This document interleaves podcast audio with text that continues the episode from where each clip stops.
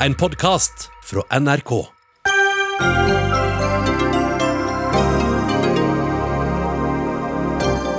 Den svenske havarikommisjonen vil granske de nye opplysningene om Estonia-forliset. En dokumentar påviser et fire meter langt hull i skipet. En som mistet sin seks år gamle sønn i forliset, håper han endelig kan få svar. Boikott handel med Kina nå, ber forfatter Erika Fatland, som har sett kinesisk overvåkning og overgrep på en rundreise i Himalaya, mens norske myndigheter forsøker å få til frihandelsavtale med kineserne. President Trump ber den høyreekstreme organisasjonen Proud Boys om å være beredt. Hvilke konsekvenser kan en slik oppfordring få? Og barn plasseres i barnevernsinstitusjon på manglende grunnlag, konstaterer Riksrevisjonen i ny rapport. Bare toppen av isfjellet, ifølge Forandringsfabrikken.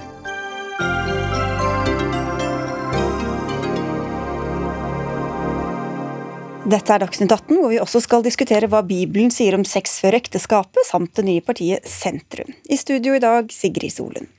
Men vi begynner altså med den nye Dplay-dokumentaren om Estonia-forliset. I dag sier Statens havarikommisjon i Sverige at den vil granske opplysningene som kommer fram der. Samtidig kaller den svenske riksdagen inn regjeringsmedlemmer for å svare på spørsmål.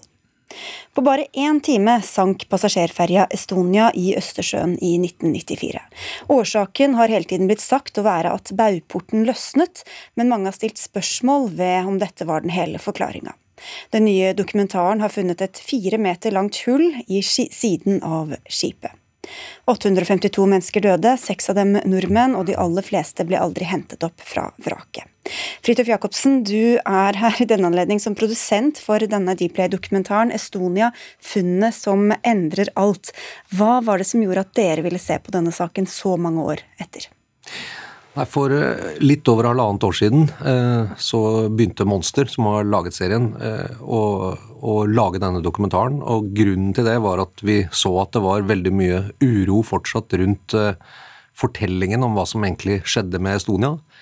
Det var mange pårørende og overlevende og etterlatte som fortsatt hadde en voldsom uro og en, en følelse at de ikke hadde fått ordentlige svar.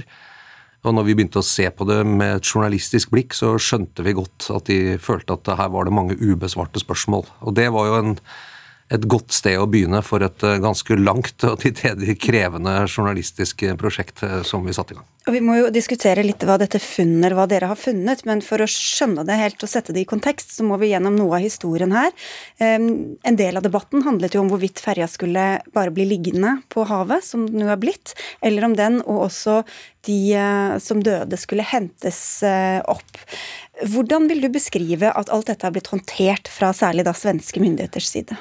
Når man ser på uh, hendelsene som de skjedde den gangen i, i 94, uh, eh, og er på en måte litt etterpåklok, så ser man jo at håndteringen ikke var bra. Det var jo et enormt sjokk i Sverige og Estland, og egentlig i hele verden, da denne relativt moderne uh, fergen som gikk mellom Tallinn og Stockholm, altså i Norge ville det vært tilsvarende en danskebåt eller Kiel-ferge, den tingen, en natt hvor det var dårlig vær, men altså ikke katastrofalt dårlig vær, det var mange båter som var ute og gikk plutselig bare eh, fikk slagside, tippet rundt og sank som en stein på under en time. Eh, et enormt antall døde og en nasjonal tragedie og katastrofe. Dette gikk rett opp på statsministernivå.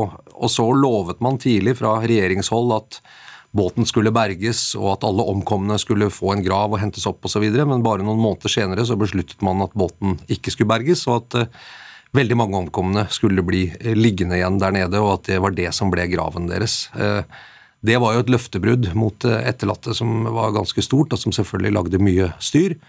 Og med rette, vil jeg si. Mange sterke følelser rundt det. Det å ikke ha en grav å gå til er jo fælt. Og så, i tillegg, kom det etter hvert en havarirapport etter tre år, som var eh, den ga på en måte en forklaring, dette med at baugporten skulle falle av og at båten på en måte åpnet seg foran, men, men, det var mange hull i den forklaringen, også i premissene og i selve hypotesen, så den ble aldri helt akseptert, verken i befolkning eller hos andre maritime eksperter. Og da har man det jo gående. Og heller ikke hos en del eh, pårørende og overlevende. Eh, Harald Setsås, du mista den seks år gamle sønnen din Jørund på Estonia. Han døde der sammen med moren sin, og ingen av dem ble heller hentet opp fra dette vraket. Hvordan har du opplevd alt dette i løpet av de siste da, 26 årene? Nei, det som har skjedd uh, siste tida her nå, er jo både vemodig og sorgfullt, men samtidig fullt av sjokk og et raseri over uh, unnfallenhet, vil jeg si, fra svenske myndigheter og Havarikommisjonen, som uh, skriver en rapport som er full av store mangler, som Jacobsen påpeker. Blant annet så er jo ikke de overlevende passasjerene spurt eller intervjua i den havarirapporten. Og det er jo mangelfullt. Når du ser Dplay-dokumentaren, så kan jo de stadfeste at de hørte et brak eh, ca. en time før, eh, ifølge havarirapporten, Bauporten ramla av. Så det er klart at her er det jo ganske store mangler. da. Og noe av det som også kommer fram eh, både fra vitner og fra andre i denne dokumentaren, og som også har blitt avdekket av eh, svenske Oppdrag granskning tidligere, er at det ble fraktet materielt militært materiale, Fridtjof Jacobsen. Hvordan spiller det altså om bord på Estonia? Nei, Det er jo en av mange mysterier med Estonia. Dette, dette var den, måte nesten den eneste forbindelseslinjen mellom Estland, som da var et nylig på en måte frigjort land i det gamle Sovjetunionen, og Vesten. Fergeruten begynte eh, ganske tidlig etter at eh, Sovjetunionen gikk i oppløsning. Så ble det avdekket at man eh, på denne tiden brukte Estonia som en transportrute for militære hemmeligheter som svensk etterretningstjeneste, og sannsynligvis også britisk og andre, hadde klart å få tak i i det tidligere Sovjetunionen og skipet over til Sverige og kanskje videre.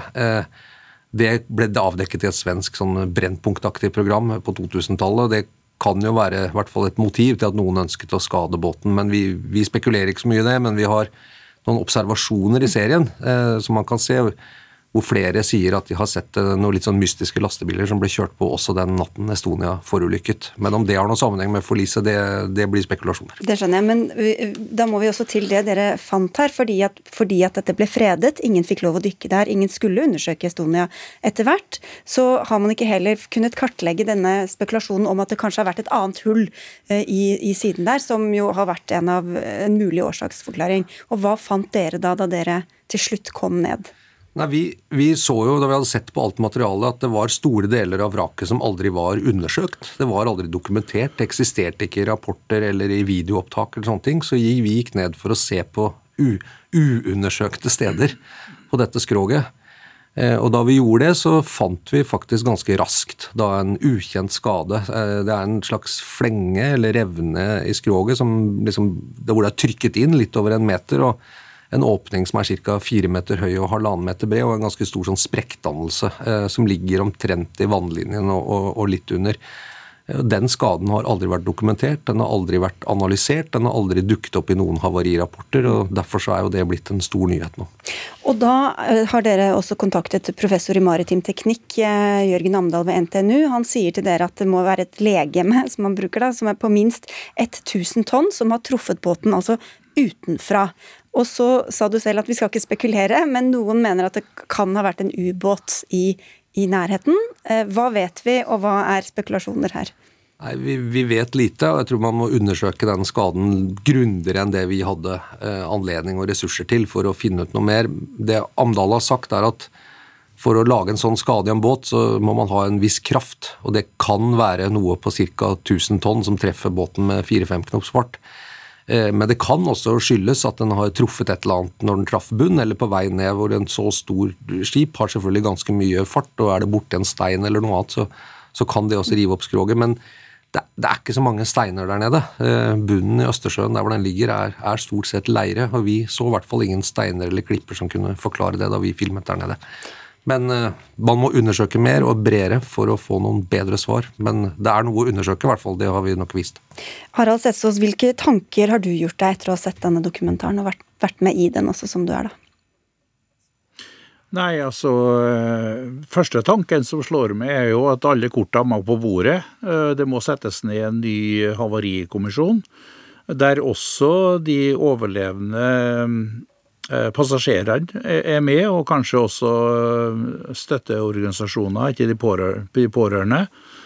Eh, det må en bred undersøkelse til, og i siste instans så mener kanskje jeg at her er det også grunnlag for å kunne rette søksmål mot svenske myndigheter som har holdt tilbake informasjon. For det er jo helt tydelig at det er informasjon som er holdt tilbake her. Dette her er ikke Og de attpåtil prøver å, å kapsle inn båten med stein og betong.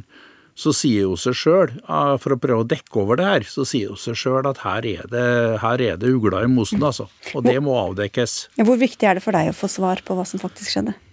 Ja, det er veldig viktig å få svar. Det første jeg ønska meg, var jo å få levningen av sønnen min opp og begrava på heimplassen min, for jeg er jo innlandsboer og ser jo aldri på havet som noe grav.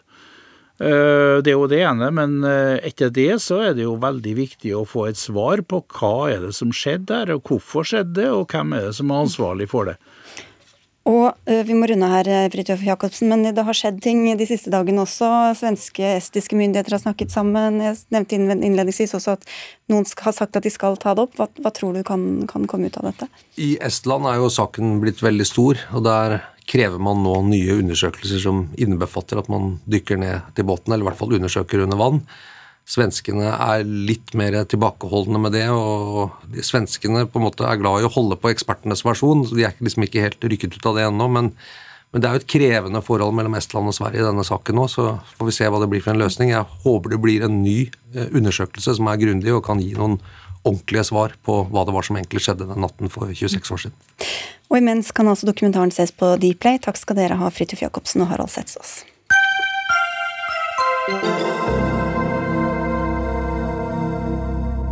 Jakten på rundt eh, på, Ikke rundt, men faktisk akkurat 5000 underskrifter er i gang for det nystiftede partiet Sentrum, slik at de kan stille til stortingsvalget neste år.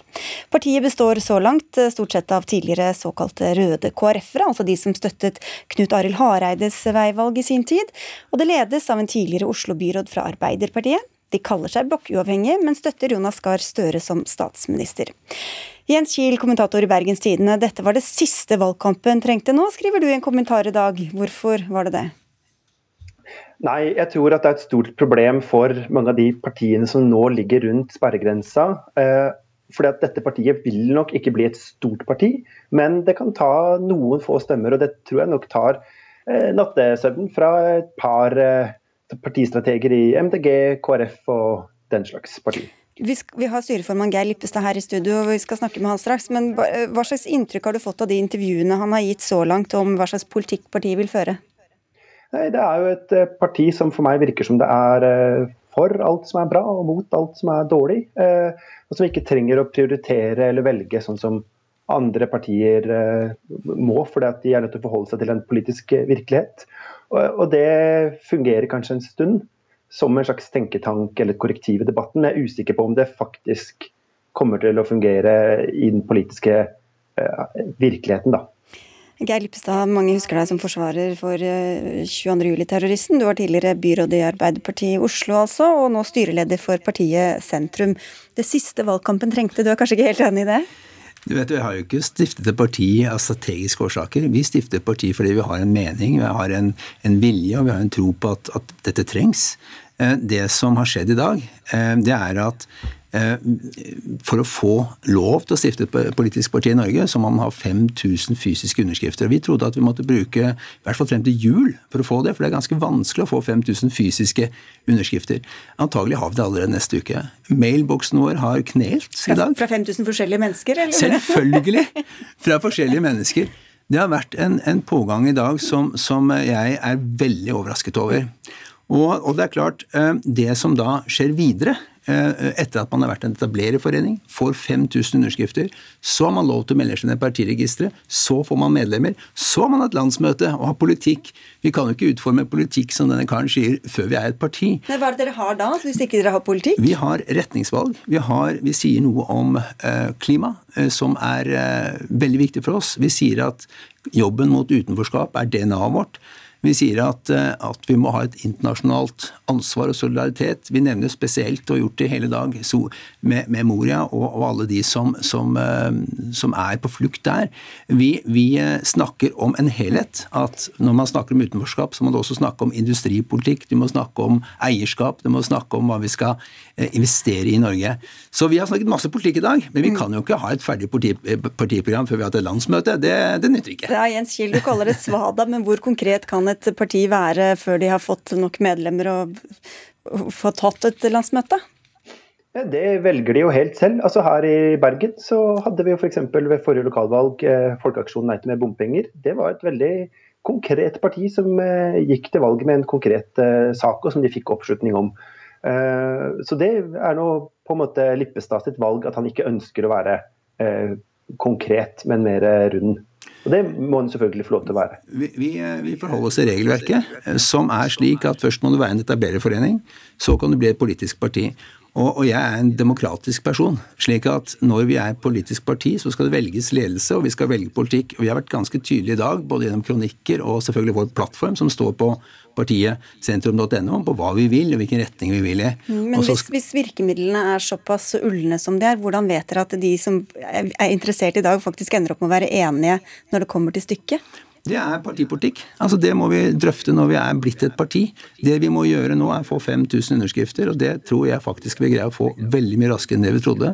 Og så skal vi utforme politikk i hver enkeltsak som er viktig for oss. Men det er jo de store linjene som også folk er opptatt av. At vi skal stoppe målutvinning innen 15 år, men at vi skal ha annen industri isteden.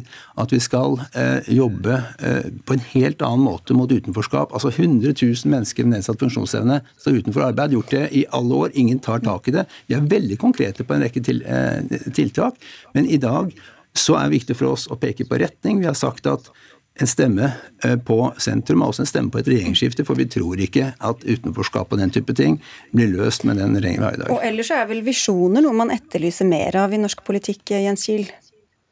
Ja, og kanskje særlig verdistolper, som er det nye ordet vi i dag har lært at, eh, at partiet sentrum eh, holder seg med.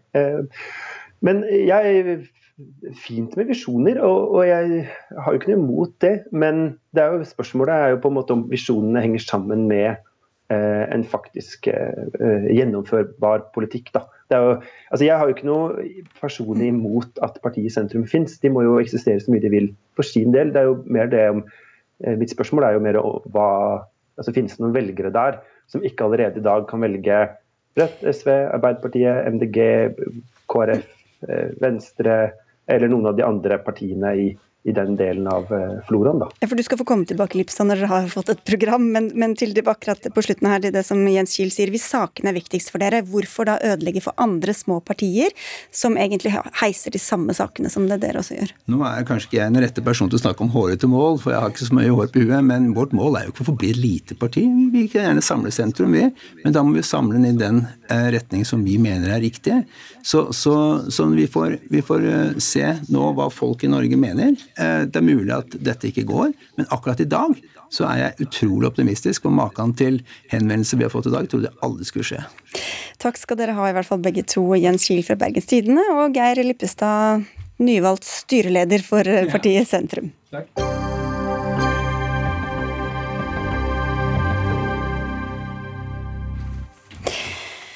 Den første presidentdebatten i USA er eh, unnagjort. Den ble preget av avbrytelser og anklager, og du fulgte med i Cleveland, Ohio, der debatten ble holdt korrespondent Anders Magnus. Hvordan er de amerikanske reaksjonene? De fleste er enige om at dette her var eh, noe av det verste de har sett av presidentdebatter, og noen har allerede utpekt den til den verste noensinne. Og Det interessante her er jo at uh, dette er en vurdering som gjelder både på høyresiden og på venstresiden. På uh, høyresiden så vil man selvfølgelig si at Biden var verst, og omvendt på venstresiden si at Trump var verst. Men uh, eh, 70% av seere som ble spurt i går, sa at dette var irriterende og lite informativt. Og hvordan blir da de ulike altså Jeg skjønner man heier på sin, sin egen, men hva er uh, dommen over prestasjonene til de to kandidatene? Det er jo uh, ulike reaksjoner på mye av det som blir sagt. Når det gjelder uh, Trump, så har, får han veldig mye kritikk for at han ikke tok avstand fra denne høyreekstremistiske gruppen Proud Boys og nærmest ga dem eh, klar bane til å fortsette videre med sine eh, demonstrasjoner og angrep på venstresiden. Og så får selvfølgelig også Biden veldig mye kritikk fordi han ikke tok avstand fra de venstreorienterte ekstremistene i Antifa. Han sa at de er bare en idé. Reaksjonene på det er jo at eh, en idé kan ikke eh, tenne fyr på bygninger, slå ned politifolk og kaste brannbomber mot ordensmakten. Så han får like mye kritikk for det fra høyresiden. Og så er det jo også reaksjoner på at Trump ikke har klart sagt fra at han vil gå inn for en eh, fredelig og grei overgang hvis han taper valget. Biden på den andre siden får mye kritikk for at han ikke kunne si om han ville utvide Høyesterett eller ikke dersom demokratene vant valget. Mm. Det er mye kritikk på begge sider. Man er lite fornøyd med det som ble sagt. og Eh, mange sier at vi fikk ikke vite så mye om de forskjellige kandidatenes politiske program i løpet av denne debatten. Takk skal du ha, Anders Magnus. Kritikk til begge, men eh, du er særlig hard mot én, Jan Arild Snoen, forfatter av boka 'Trump-sjokket' og kommentator i Minerva. Donald Trump er en drittsekk, skriver du i dag i Minerva. Hvorfor er han det? Fordi han, det er måten han oppfører seg, også i denne debatten, og særlig i denne debatten, der han hele tiden går etter å provosere og avbryte og angripe person istedenfor å diskutere politikk og sak. Disse avbrytelsene var jo ikke bare, gikk ikke bare utover Biden, de gikk utover ordstyreren også. Så Ordstyreren Chris Waldes fra Fox News han fikk jo knapt nok stille spørsmål før Trump begynte å svare på dem. Eh, og, og Det gjorde at denne debatten ble veldig lite informativ. Det blir, det blir bare snakk om stil, der, der Trump prøver å få Biden eh, ryste Biden for å få Biden til å si eh, noe dumt, og være like aggressiv tilbake. Det, Biden var ikke like aggressiv, men han har også kommet med en del karakteristikker som ikke passer seg i en presidentdebatt. Glad for at du tok opp den stakkars ordstyreren, det største offeret her. Men dere må få på dere hodetelefonen igjen, fordi vi skal eh, litt tilbake til det som Anders Magnus nevnte, nemlig denne oppfordringen fra Trump til eh, organisasjonen Proud Boys om å stand down and stand by, altså være beredt. Vegard Tenhold Aase, du er forfatter og eh, ekstremismeekspert og har bodd ti år i USA og er med oss fra New York. Hva kjennetegner denne organisasjonen Proud Boys? Um, Proud Boys er en organisasjon som ble startet i 2016 av den tidligere grunnleggeren av Vice. Um, det er en veldig lite politisk organisasjon. Anser, man kan anse dem som en gjeng enn en politisk gruppe. De har veldig lite politisk ideologi. De kaller seg selv en gruppeklubb og en, en, en vestlig sjåvinistisk gruppeklubb. Eh, de eksisterer egentlig bare for, for, å, for, å, henge med hverandre og for å, for å skape kvalm. Vi har sett de uh, gjentatte ganger i, i slåsskamp med, med, med venstre og, og, med andre. Så det er en veldig løs gruppe som finnes over hele USA, som stort sett bare uh, finnes for å, for å, skape kvalm, som jeg sa. Mm. vi har litt eh, dårlig lyd på deg, vi skal se om vi klarer å bedre den eh, litt. Men til deg da, Sofie Høgestøl, du kjenner også amerikansk politikk godt, og du var med oss i sendinga vår i natt. Ehm, bare for å ta denne oppfordringen, der, hvordan oppfatter du den uttalelsen til denne gruppa? Nei, altså jeg tenker at Debatten i går var jo så kaotisk at vi prøvde å få med oss de viktige poengene. Men det var vanskelig å gjøre live eh, når det var så, så, mye snakking over hverandre. Så det var en av de punktene hvor jeg fikk helt med meg hva, hva, de snakket om når de snakket om Proud Boys, for det er en gruppe jeg ikke har hørt så mye om før. Og her så man jo virkelig behovet for å ha en bedre moderator, for det var ikke noe oppfølgingsspørsmål av typen ja, men hva mener du når du sier at du har lyst til at de skal liksom stand, stand down and stand by? Hva mener du med det? Og det var jo ikke muligheten for den type oppfølgingsspørsmål. Eh, og man ser jo at gruppen tydeligvis har um, tatt dette til seg og tolket det på én måte. Uh, og så ser man at Trump-kampanjen har vært ute i Fox News i dag og prøvd å si at nei, nei, nei, men han har tatt avstand fra white nationalism før, og han gjorde det i kveld også. Men også, hva, hva, Hvilke konsekvenser tror du det kan få å si at de nå er satt på kartet og har fått denne oppfordringen? da? I, i, i gruppen det var veldig spennende lyd på det her, men jeg, jeg, jeg, sender det over til deg. Hva slags signaler sender det, selv om de nå prøver å moderere litt at de kommer med det? Dette er det jo det samme som vi så etter uh, disse demonstrasjonene i, i uh, Charlottesville for noen uh, år siden. Der Trump først er ute med noe som høres ut som en slags støtte, eller i hvert fall det er gode folk på begge sider og sånn, og så må han da et par dager etterpå rydde opp i dette. Så det er denne type dobbeltkommunikasjon der han sier én ting for å liksom, mobilisere disse ytterliggående, og så prøver han å ro seg inn for å ikke å skremme bort velgere etterpå. Men, men, det er et dårlig signal, særlig fordi det, det, lett kan kobles til uro etter valget. Han sier også uh, at det skal være standby. Mm. Uh, og det, Jeg koblet i hvert fall uh, det til mulig sånn uro. Det er ikke sikkert det var det Trump mente. Han ramler jo av gårde. så, så for Han sa jo også 'stand back' eh, først. Ja, ja altså, men det betyr bare å liksom vente litt mm. og, og være klar, kan det tolkes som. Men det er ikke sikkert vi skal tolke han i verste mening. Det kan hende det var noe annet han mente, men det er, i hvert fall, det er stadig vekk disse tingene som Trump sier. Så hvis du vil tolke han i beste mening hele tiden, så er det ikke så farlig. men men det er så mange sånne ting eh, som til sammen tyder på at eh, det er grunn til å være litt bekymret. Han kom jo også med en annen oppfordring til sine tilhengere om å dra til valglokalene Høgestøl, og følge nøye med på det som skjer. Hva ligger i det? Ja, Dette var jo når hjulene virkelig hadde falt av debatten. Dette var siste segment eh, som var avslutningssegmentet. For jeg føler at Trump egentlig startet ganske sterkt og åpnet debatten. om Han snakket om Høyesterett. Jeg følte at han var ganske på. Hadde en del gode replikker. Men så falt skipet sakte, men sikkert eh, det begynte å, ta inn vann. Og det var virkelig synkeklar mot slutten av debatten. Eh, for da fikk de spørsmål knyttet til demokrati og om de kom til å bevare integriteten til valget.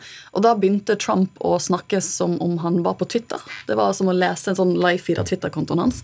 Um, for da, opp, da, da, gjentok han at han ikke er sikker på at han skal godta valgresultatet, samt at han ba sine støttespillere eksplisitt gå og observere i valglokalene for å sjekke at det ikke er fusk, da, er jo antydning betydningen. Men igjen, det var jo ikke noe oppfølgingsspørsmål på hvorfor var det viktig, eller hva mener du med det? Så man kom jo ikke mer til bunns i, disse, i, i, i det han sa, da. For det ble jo ikke en ordentlig debatt. Det ble to personer som snakket. Da vi snakka med deg tidligere i dag, så sa du at de neste, det skal være to, to debatter til. Mm. At de kanskje ikke burde holdes?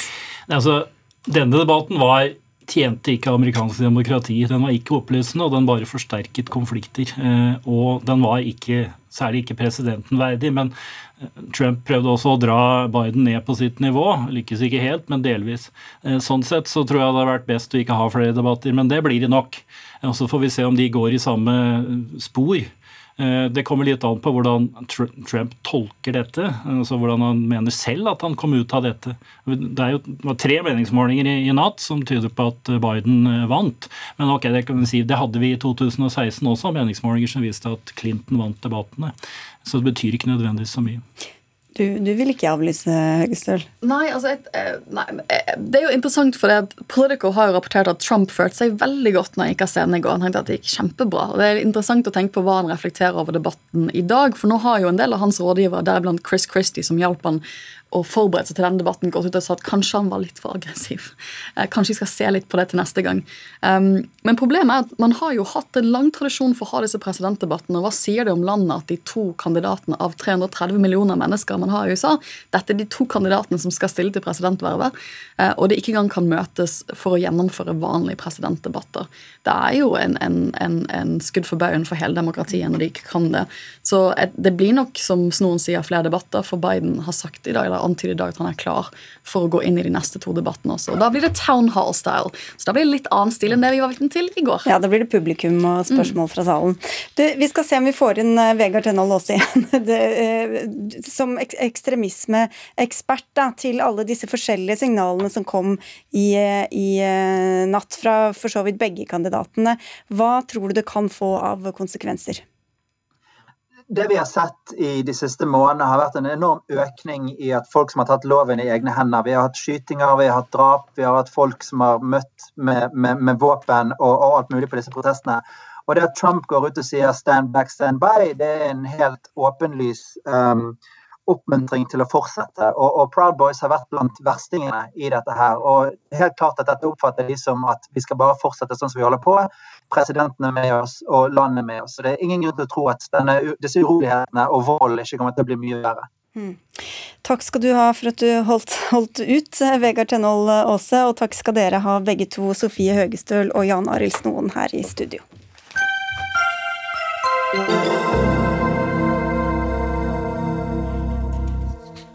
Riksrevisjonen kritiserer det statlige barnevernet i en eh, ny rapport. Det blir det mer om eh, mot slutten av eh, Dagsnytt 18. Men nå skal vi diskutere om hvorvidt det er i strid med Bibelen å ha sex før ekteskapet. Da skal jeg, jeg må få en ny beskjed på øret, for jeg hørte ikke det. ok. Det er ikke, ikke, i strid med Bibelen ifølge deg, Gisle Sørhus. Du er sogneprest i Sveio, dette har skapt litt reaksjoner. Før vi får med en av dem som har reagert, så må du forklare hvorfor er det bedre også fra et um, bibelsk eh, ståsted å ha sex før ekteskapet, kanskje til og med flytte sammen, enn å gifte seg for tidlig? For meg er det veldig viktig å få fram utgangspunktet mitt for å gå ut med dette. Og det er jo at kristne har sex like mye som alle andre mennesker.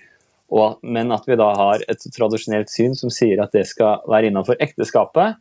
Og det gir veldig lite veiledning for mennesker da, i sex og samliv, som når det da hovedsakelig skjer utenom ekteskapet. Og det andre er at det tradisjonelle bidrar til en skamkultur som er knytta til sex og samliv. Og uten å gå i detalj på konsekvensene, så er det jo klart at det medfører eh, dårlig livsutfoldelse da, for mennesker. Mm. Og så til slutt så er det at eh, dette synet her gjør at eh, folk presses inn til å gifte seg før eh, de er klar for det, både aldersmessig og forholdsmessig. Og hva er negativt med det? Eh, det øker jo sannsynligheten for skilsmisse, og det mener vi i kirka er feil. Så det er jo en konsekvens av forkynnelsen vår. Um, og da har jeg som prest tenkt at da må jeg jobbe med dette her, ta utfordringa på alvor og se om det kan være bibelske grunner til å si at det er greit å ha sex og ha et samliv utenom ekteskapet. Da skal vi få inn deg, Kristian Øgård. Du er prest og daglig leder i AKTA, barne- og ungdomsorganisasjon til eh, Nordmisjon. Nå fikk du ikke med deg hva som ble sagt her, eh, for vi hadde litt problemer med, med, med, mm, kontakten med deg. Men du har jo lest hva han har sagt tidligere, og du sier at dette er dypt problematisk at en prest i Den norske kirke sier dette. Hvorfor er det som er så problematisk? Det som jeg reagerer mest på her, det er at, eh, at jeg tenker at dette er uklok veiledning for livet. Eh, sex er så nært eh, og så intimt eh, at det kan gi oss både det vakreste i livet eh, og de mest ekstatiske sider som livet har å gi oss. Eh, men det kan òg føre til veldig veldig dype sår og dyp skam. Eh, og Det betyr at jeg tror at vi trenger gode rammer. Det er en del av Kirkens jobb at vi veileder hverandre til gode liv. Og det opplever jeg ikke at Sørhus sine råd eh, legger opp til. Eh, og så har jeg lyst til å anerkjenne deg, Sørhus, for, for denne, altså det å sette fokus på hvordan vi kan få ned antall samlivsbrudd. Det tenker jeg er et veldig veldig viktig og godt anliggende. Men jeg tror at han tar feil i, i oppskriften for å komme dit. Mm. Du tar feil, Sørhus? Det er så klart utfordringer og problemer ved mitt ståsted òg. Det har jeg ikke noe problem med å legge skjul på. Det er det, er, det bryter jo med tradisjonelle læra. Eh, og jeg må også anerkjenne Christian, var det det? Vi sier Christian. Eh, for at du faktisk står opp, for det er ganske mm. mange som også trenger at, å høre det du, altså det du poengterer, at sex er sårbart, og det er mange som trenger den hjelpen til å finne den ramma som for dem er ekteskapet. Uh, men, men, Sørhus, hvis jeg bare kan spørre deg om noe, fordi det Spørsmålet er jo også litt om hvorvidt dette er i tråd med Bibelen, og hva som står der om dette. Og, og, Hva slags belegg har du fra bibelsk hold for å si at dette er greit? Uh, det bibelske belegget er enkelt og greit at uh, man skal ikke skille seg. Det er kanskje den enkleste måten å finne belegget. Uh, og hvis vi oppfordrer til å gifte seg før det er klart det, så resulterer det med skilsmisse. Det må vi ta en konsekvens av. Men det er også det at uh, Jesus er tydelig på at uh, med helligdagsbudet, vel å merke, at det er Budene er ikke til for Nei, menneskene er ikke til for budets skyld, men budene er til for mennesket. Og hvis vi da bruker budene på en måte som gjør at det blir vanskelig for mennesker, så er det en dårlig bruk, og da må vi også spørre oss er disse budene her riktige. Og det har vi gjort ofte opp gjennom historien. Mm. Vi har gjort det med slaveri, kvinneprester, med homofile, om de skal få lov til å gifte seg. så er det Vi har verdier fra før som vi finner grunnlag for i Bibelen, men så ser vi at dette stemmer ikke, og så må vi jobbe med er det en dypere verdi her som er viktig. Nettopp. Kristian Nøgaard, hva sier du til det? Jeg tenker Det er flere ting å ta tak i her.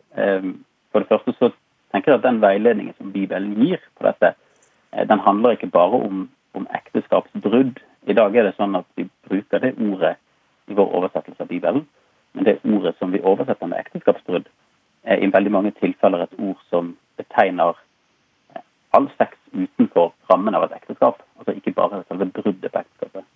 Og så tenker jeg at det går en, det går en linje gjennom Bibelen her som, som gir oss en veiledning på disse spørsmålene. Um, og min erfaring er at den gir dyp mening sånn som den er. Jeg har jobbet mye med ungdommer. Jeg har vært i samtale med veldig mange ungdommer som, som har eh, mye eller lite erfaring med sex. Eh, men, men, jeg opplever at fordi det er mye sår i forbindelse med det, så gir eh, den veiledningen som, som Bibelen gir, den gir for meg dyp mening. Og jeg ser ikke behov for å se vekk fra den. Selv hvis, hvis, alternativet er at flere skiller seg fordi de aldri fikk prøvd ut om man passet sammen eller ikke? Ja, jeg tror ikke at det er noe man prøver ut utelukkende i sengen. Jeg tror den prøvingen om man passer sammen, den skjer først og fremst i samtaler og i det å dele liv. Man ikke trenger å bo sammen for å gjøre det. Jeg tenker at, Det er òg en problemstilling her i, i dette her altså Støre snakker om, om samlivsbrudd, og nå snakker han om, om, om skilsmisse. Eh, men det er jo sånn at når en samboerskap ryker, så er det et samlivsbrudd. Og det er òg traumatisk. Dere, det var så langt vi kom. Takk skal dere ha begge to for at vi fikk dere med samtidig, til og med. Kristian Øgård, prest og leder i AKTA, barne- og ungdomsorganisasjonen til Nordmisjon, og sogneprest i Sveio, Gisle Sørhus. Hør Dagsnytt 18 når du vil. Radio NRK Radio.nrk.no.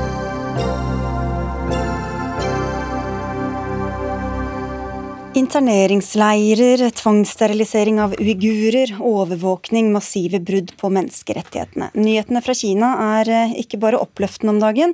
Til tross for det jobber den norske regjeringa med å få til en frihandelsavtale, nå når forholdet, forholdet til landet er normalisert etter mange anstrengte år.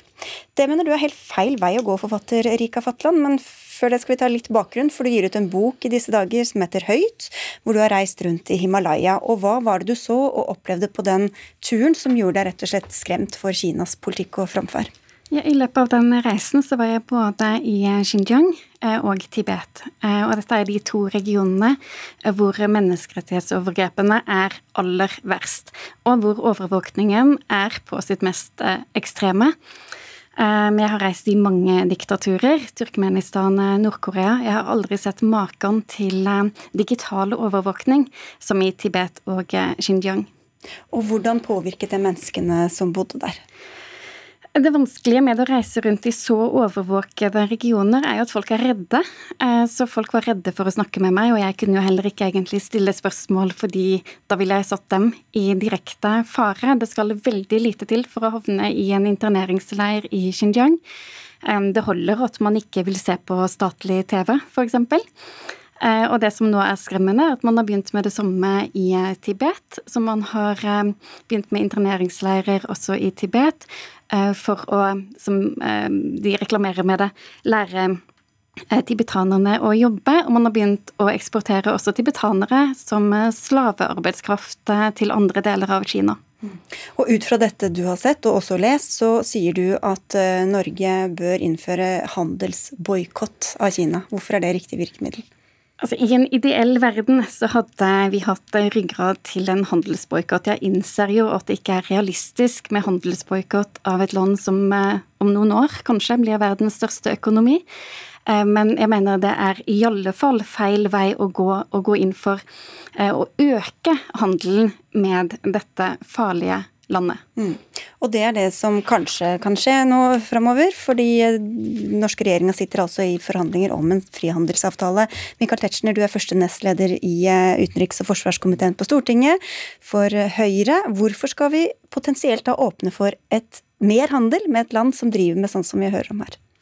Ja, altså for, La meg begynne med å si at jeg har veldig respekt for de observasjonene de har gjort, og de er samsvarende med veldig mye Vi var på et møte i går kveld hvor det stadig rapporteres. Så det er ikke noe problem å slå fast at Kina ikke er noen ideell samtale- og handelspartner.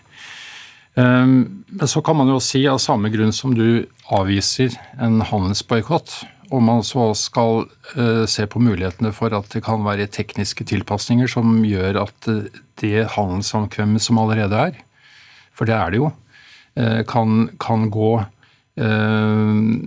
mer smertefritt. Samtidig som slike forhandlinger også gir grunnlag for å ta opp de tingene som plager oss i denne sammenhengen. Og så har jeg lyst til å si Det kan jo også være en grunn til at denne frihandelsavtalen ikke har materialisert seg. Man har forhandlet siden 2008. Så avbrøt kineserne etter, ti, etter to år pga. fredsprisrabalderet. Og så er det tatt opp igjen når de da ønsket det. Men igjen, eh, jeg eh, vil ikke si at den avtalen er, er moden for eh, behandling. Og jeg mener også at vi skal ta tid, ta oss den tid vi trenger for å se på hva de andre nordiske landene gjør. For det er heller ikke helt uten betenkeligheter at vi er i et bilateralt forhandlingsløp med kineserne. Så vi har også behov for å lære av erfaringer med våre nordiske venner, som eh, også har bilaterale forhold. Men du viser til andre land som har satt foten mer ned. Ja, Canada eh, avbrøt jo forhandlingene om frihandelsavtale med Kina i forrige uke, fordi de ikke ville inngå en frihandelsavtale med et eh, regime som det kinesiske. Og så har man eh, eh, initiativer som er ikke på statlig nivå, men på bedriftsnivå. Hennes og Maurits som har sluttet å handle bomull fra Kina. Fordi de sannsynligvis blir produsert av slaver, uigurer fra Xinjiang. Eh, og også i forrige uke så trakk danske akademiker Pensjon eh, seg ut av Kina. De svartelistet Kina pga. menneskerettighetsovergrepene i Xinjiang og Hongkong. Eh, I Norge så går vi da motsatt vei. Vi ønsker, eller regjeringen ønsker å øke handelen med Kina. Vi har råd til å la være, sier du? Vi har råd til å la være. og Eh, oljefondet er inne i Kina med investeringer på over 300 milliarder kroner. Det er fryktelig mye. Eh, tidligere i år så trakk de ut investeringer på over en milliard pga. massiv kritikk fordi disse eh, firmaene leverte overvåkningsutstyr til Xinjiang. Men oljefondet er inne i over 175 andre bedrifter og firmaer og banker i Kina. Hvordan har vi en garanti for at de driver etisk? Og Da kan man jo spørre seg Tetzschner, hva som er viktigere enn å vise at dette tolererer vi ikke. Nei, det vil jeg si at uh, her er ikke bare snakk om en avveining. At vi har en kjempekontrakt vi ønsker å ha gjennom, og dermed kan vi uh, i den andre vektskålen legge stor økonomi. Jeg mener at det er noen minstestandarder som skal defineres. Som også peker fremover mot en utvikling. Det har jo aldri vært sånn at Norge har gått god moralsk for alle våre handelspartnere. Men det må være skal vi si, et lys i tunnelen, det må være en utvikling i riktig retning. Og Det er av de grunnene som gjør at jeg ikke har noen god prognose for at det kommer noen frihandelsavtale nå, fordi utviklingen går i gal retning på riktig mange områder. Eh, så eh, igjen, jeg syns de perspektivene som Erika har eh, brakt til debatten, og gjennom boken, så får vi det slik vi skal ha det i et demokrati, at vi også diskuterer åpent hva statsmyndighetene skal gjøre. Og hvis regjeringen sier at de vil at jeg kommer fram til en handelsavtale? Frihandelsavtale? Ja, Foreløpig er det et hypotetisk spørsmål. Det er selvfølgelig ikke uaktuelt at man har et gjennombrudd.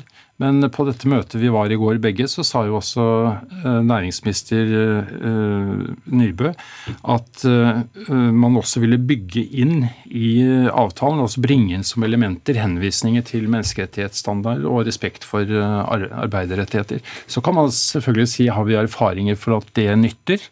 Nei, men kanskje en gang blir den første. Men for tiden vil jeg si at Kinas øh, overordnede retning, den er urovekkende. Du så ikke så veldig overbevist ut om disse klausulene, Vatland? Jeg tenker det er ren ønsketenkning øh, at, at, man legger inn noen fine klausuler øh, og ord om menneskerettigheter i den avtalen.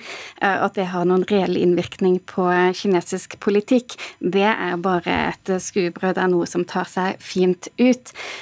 Og under disse forhandlingene som da har pågått siden 2008, så har jo ikke norske myndigheter utvist særlig ryggrad mot Kina. Dalai Lama, da han kom på besøk i 2014, etter for å markere at det var 25 år siden han fikk fredsprisen, så måtte han gå bakveien inn på Stortinget, som vi husker.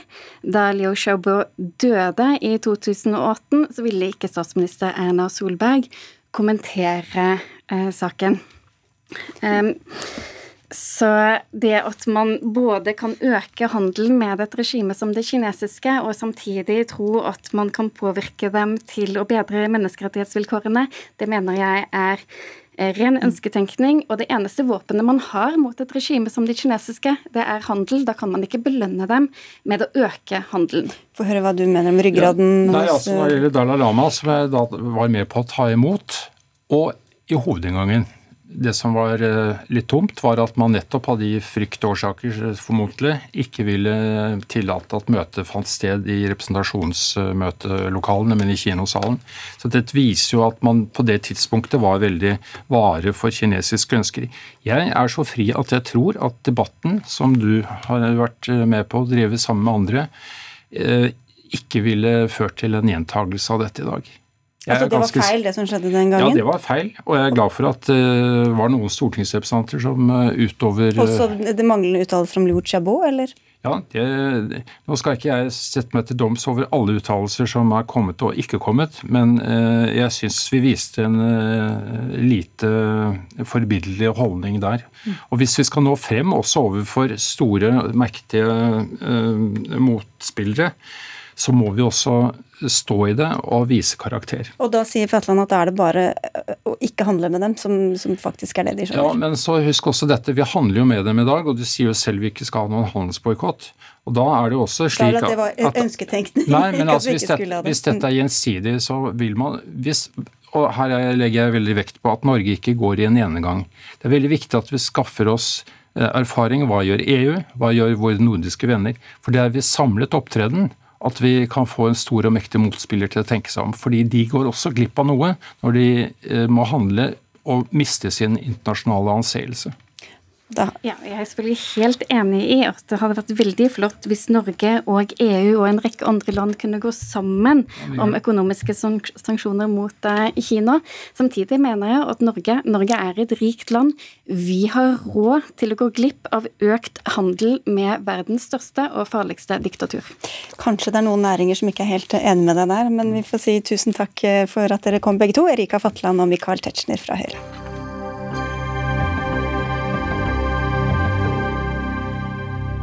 Den statlige etaten for barn, ungdom og familier, Bufetat, gjør en for dårlig jobb med å kartlegge barns behov før de plasseres i barnevernsinstitusjoner. Det er konklusjonen i en ny rapport fra Riksrevisjonen. Flere barn blir heller ikke fulgt godt nok opp under oppholdet på institusjonen, ifølge den samme rapporten. Alexander Aasheim, du er ekspedisjonssjef i Riksrevisjonen. Hva innebærer det i praksis det dere sier, at behovet for, til barna ikke blir godt nok kartlagt før de skal eller kommer i barnevernsinstitusjon? Mm. Jeg tror jeg skal begynne å si kort noe om systemet her, så, så lytterne forstår uh, hva vi snakker om. Uh, det er det kommunale barnevernet som er ansvarlig for å uh, velge tiltak for de barna det gjelder. Og Et av tiltakene er plassering i barnevernsinstitusjon. De, henviser, de sender da en henvisning til Bufetat, og Bufetat er pliktig å stille en institusjonsplass til rådighet til kommunen. Det som er viktig, er at den plassen og det tilbudet som gis, er tilpasset det enkelte barn og det enkelte barns behov. Og det er, det, det er barnas beste som står i sentrum her. Ehm, det som er viktig da for at Bufetat skal kunne gjøre den vurderingen, er å ha tilstrekkelig informasjon nettopp om barnets behov og den risikoen som er knyttet til, til situasjonen. Den informasjonen får de delvis fra kommunalt barnevern, ehm, men de er også ansvarlig for å hente inn ytterligere informasjon på egen hånd. Og Det er den informasjonen vi ser er mangelfull i en del tilfeller, og peker da på at det er for flere barn så blir ikke behovene tilstrekkelig kartlagt før de blir plassert i en institusjon. Og Hvem var det de burde snakka med, eller burde snakka mer med da for å kartlegge disse behovene? Det er, klart, det er flere årsaker til at den informasjonen mangler. Det kan være at den informasjonen de får fra kommunen er mangelfull. Eh, det kan også skyldes at kommunen ikke har hatt tid til å samle inn nok informasjon før de må plassere barn i en institusjon. Så det, de, de, kan jo ytterligere be om informasjon fra kommunen, som er kanskje er hovedkilden til det, det de trenger. Og Hva får det å si for disse barna, da, hvis de ikke blir kartlagt og ikke kommer på riktig institusjon? Mm. Det, kan, det kan, føre til at barn blir eh, plassert i hvis du kan si en feil institusjon, eller få en feil plass, eller få et tilbud som ikke er tilpasset barnet godt nok. Eh, og så må man se det her i sammenheng med også at vi har funnet svakheter i den dokumentasjonen som foreligger knyttet til vurderingen som gjøres av valg av institusjon, som er en del av helheten her. Ja, og så blir de heller ikke fulgt godt nok opp, eh, ifølge deres rapport? Nei, det, det er det, eh, da den andre, mm. andre, hovedfunnet vårt som henger tett sammen med det her, hvor vi viser til at det er svakheter ved oppfølgingen eh, mens barnet bor på institusjonen. Det er knyttet til både eh, i en del tilfeller manglende planer når barnet blir plassert i institusjonen. Det er manglende eh, handlingsplaner i en del tilfeller underveis. Handlingsplaner vil si at det er, det er på en måte de planene som skal vise hvordan, eh, eller planer for hvordan målene for barnet skal nås. Og det er mangler knyttet også til rapporteringen på barnets utvikling underveis i oppholdet. Si vi peker da på konklusjonen at det, flere, det gjelder flere barn, ikke at det gjelder alle. Nei, skjønner. Men det var altså noen av hovedfunnene. Marit Trommal, du er direktør i Barne-, ungdoms- og familiedirektoratet, altså Bufdir. Og dere sier at det er oppsiktsvekkende påstander fra Riksrevisjonen, nemlig noe jeg ikke sa, at Bufetat ikke vet hva de gjør. Er du sikker på at etaten vet hva de gjør? Ja, vi reagerte ganske mye, ganske kraftig på den måten dette ble presentert på på pressekonferansen i dag. For det er jo faktisk sånn at de tallene som ble vist til her av riksrevisor, er jo faktisk at 89 eh, av, eh, av de som ble spurt, sier at de har nok informasjon om barnet. Det betyr at 11% sier at de ikke de har det. Så deler vi selvfølgelig eh, det som riksrevisor sier, at det er viktig at man vet nok om barna. Men jeg vil gjerne, gjerne opplyse også lytterne litt eh, om dette. For her kan man få et inntrykk av at, at det er en kartlegging, og så skal man liksom velge en riktig institusjon hvor dette da skal være et eller annet eh, liksom, som skal skje da med den, den riktige institusjonen. For det er jo slik at dette er barn som kanskje har vært utsatt for massiv vold, omsorgssvikt, eller det kan være også barn som selv har drept eller gjort seksuelle overgrep. Barn med store utfordringer. Og da er det ikke alltid slik at de er verken tilgjengelig for en kartlegging i forkant, eh, eller eh, hvor de faktisk trenger å ha et sted å få ryddet opp i kaoset i virkeligheten sin, for å få planlagt det som skal skje etterpå. Så det er ikke slik at det er enkeltinstitusjoner som er tilpasset. Her kan man også gjøre kartlegginger underveis. Mm for å få den hjelpen som barnet trenger. Nå er det sånn at Riksrevisjonen ikke skal gå i noen sånn politisk debatt, men vi har med en annen som vil dele mange av eh, synspunktene på, på funnene her. Marit Sanner, du er leder i Forandringsfabrikken. Dere henter inn svar fra barn om hvordan de offentlige tjenestene oppleves for dem. Og du sier at dette bare er toppen av isfjellet. Hvorfor tror du det? Eh, den kommentaren handler om eh, det at eh, man ikke vet godt nok, eller det som står, det kalles i rapporten å ikke ha kartlagt godt nok da, hva barn trenger. Det finner vi også. Vi har akkurat gjort en ny undersøkelse med barn i institusjon fra, som er fra 19 og 2020. Den rapporten kommer til å hete 'De tror de vet best'. Det er altså kunnskap fra barn som har erfaring med å ha blitt flytta til barnevernsinstitusjon. Og det er deres beskrivelser av hvordan det inntakssystemet vi har i Norge i dag da fungerer, og også hvordan det eh, kan bli riktig, men også kan bli veldig feil, eh, det institusjonstilbudet de får. Fordi at, eh, det ikke, fordi at de voksne, eh, som er mange forskjellige voksne, det har vi hørt, ikke vet godt nok eh, hva barn trenger. Men vet de det selv da nødvendigvis, ut fra hva vi hørte Tromald si her? Hvor god innsikt har de i sine, sine egne behov og følelsesliv?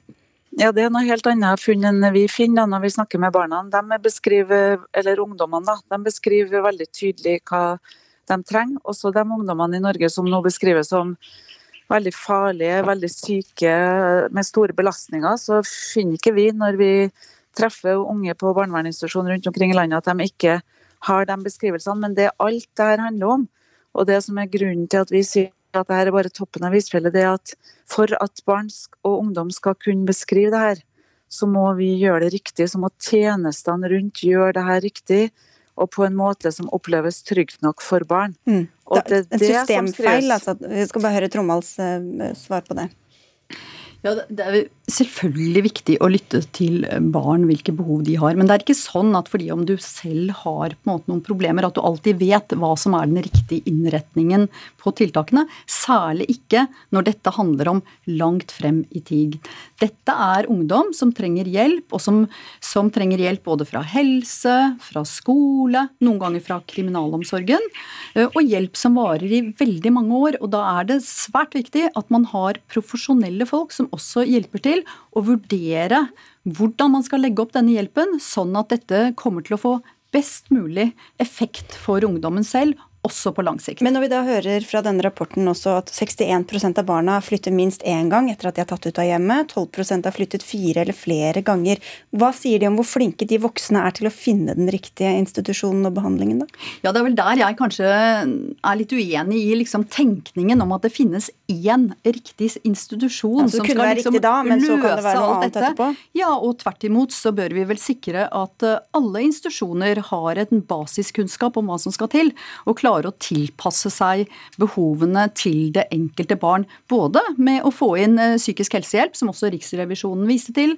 nok hjelp til skole, og også for å hjelpe barna etterpå. Fordi at dette er, er på en måte et stoppested for denne ungdommen. Det er ikke der de skal vokse opp, de skal tilbake til lokalsamfunnet sitt og fungere videre. Så betyr ikke det når jeg sier at jeg syns at Riksrevisjonen tegner et unødvendig negativt bilde, betyr ikke det at ikke vi ser utfordringer i institusjonsbarnevernet. Men jeg tenker at det er viktig at folk er trygge på for det første at det er gode kontrollmekanismer for barnevernsinstitusjonene i Norge.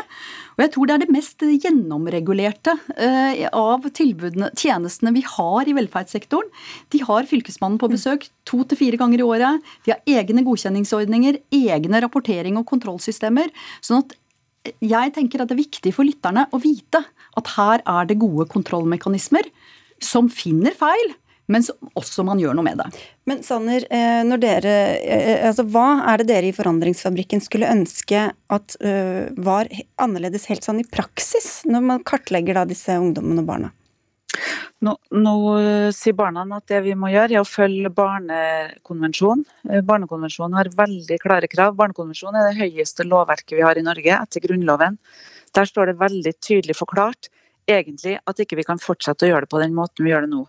Og jeg tenker sånn, Nå har det kommet rapporter i, i flere år som sier at uh, det er utfordringer i forhold til både flytting på barnevernsinstitusjon og opphold på barnevernsinstitusjon. Så nå er det kanskje veldig lurt at vi er litt ydmyke, og at vi hører fryktelig godt etter også hva barnekonvensjonen sier. Uh, ifølge barn så er det, ligger mange av svarene der. Der står det veldig direkte beskrevet at unger har rett til å snakke trygt. Det står ikke bare at unger har rett til å si sin mening, men unger har rett til å snakke trygt. Og Det er nok den barnerettigheten som eh, vi tror at vi har blitt fryktelig mye bedre på. Det, vi har nok blitt bedre, men ifølge barn så er det veldig utrygt, veldig mye av det som gjøres ved inngangen til og ved, i den flytteprosessen. Hvordan kunne du gjort mer trygt, da, bare sånn at vi skal skjønne Det- hva det var som ja. kunne vært gjort annerledes? Det kunne vært gjort annerledes sånn, ifølge barn. Eh, Når barn har det veldig vondt, jeg er helt enig i Mari at de har opplevd veldig mye vondt. Eh, Barn er veldig uenig i at, at de ikke skal beskrives på den måten der. Men det som kunne vært gjort annerledes, er at man kunne tatt utgangspunkt i barnet og barnet sine løsninger til hvordan det kunne gjøres trygt. Og så må vi ikke komme, altså Svaret i Norge har jo blitt da at da trenger vi mer kompetanse. Spørsmålet blir hva slags kompetanse. Kanskje tida har kommet nå, når enda en rapport viser så tydelig at eh, her er det langt til mål. Kanskje vi nå må jobbe tettere i samarbeid med barn til å finne ut hvordan skal vi gjøre det trygt. Da skal Barna sier- få Ja, ja, Vi jeg nærmer oss å gå fort slutten, skjønner jeg. ja, men jeg må bare få si eh, altså, det, må, det må følges eh, altså barna sine råd til hvordan man eh, jobber okay. for å få Greit. Er, jeg deler at vi skal eh, lytte til barn, men det trengs en grunnleggende kompetanse i eh, barnevernsinstitusjoner. Det jobbes det med. De fleste av de påpekningene som kom fra Riksrevisjonen, er det gode tiltak i gang med. Og jeg tenker at her er det veldig mye som skjer ute i barnevernsinstitusjonene, som vi i Norge skal være stolt av. Takk skal dere ha alle tre. Marit Romal, Marit Sanner og Alexander Aasheim. Dagsnytt 18 er forbi for i dag. Det var Anne Katrine Førli som hadde ansvar for den. Eli Kyrkjebø styrte teknikken. Jeg heter Sigrid Solund, og vi ses og høres igjen i morgen.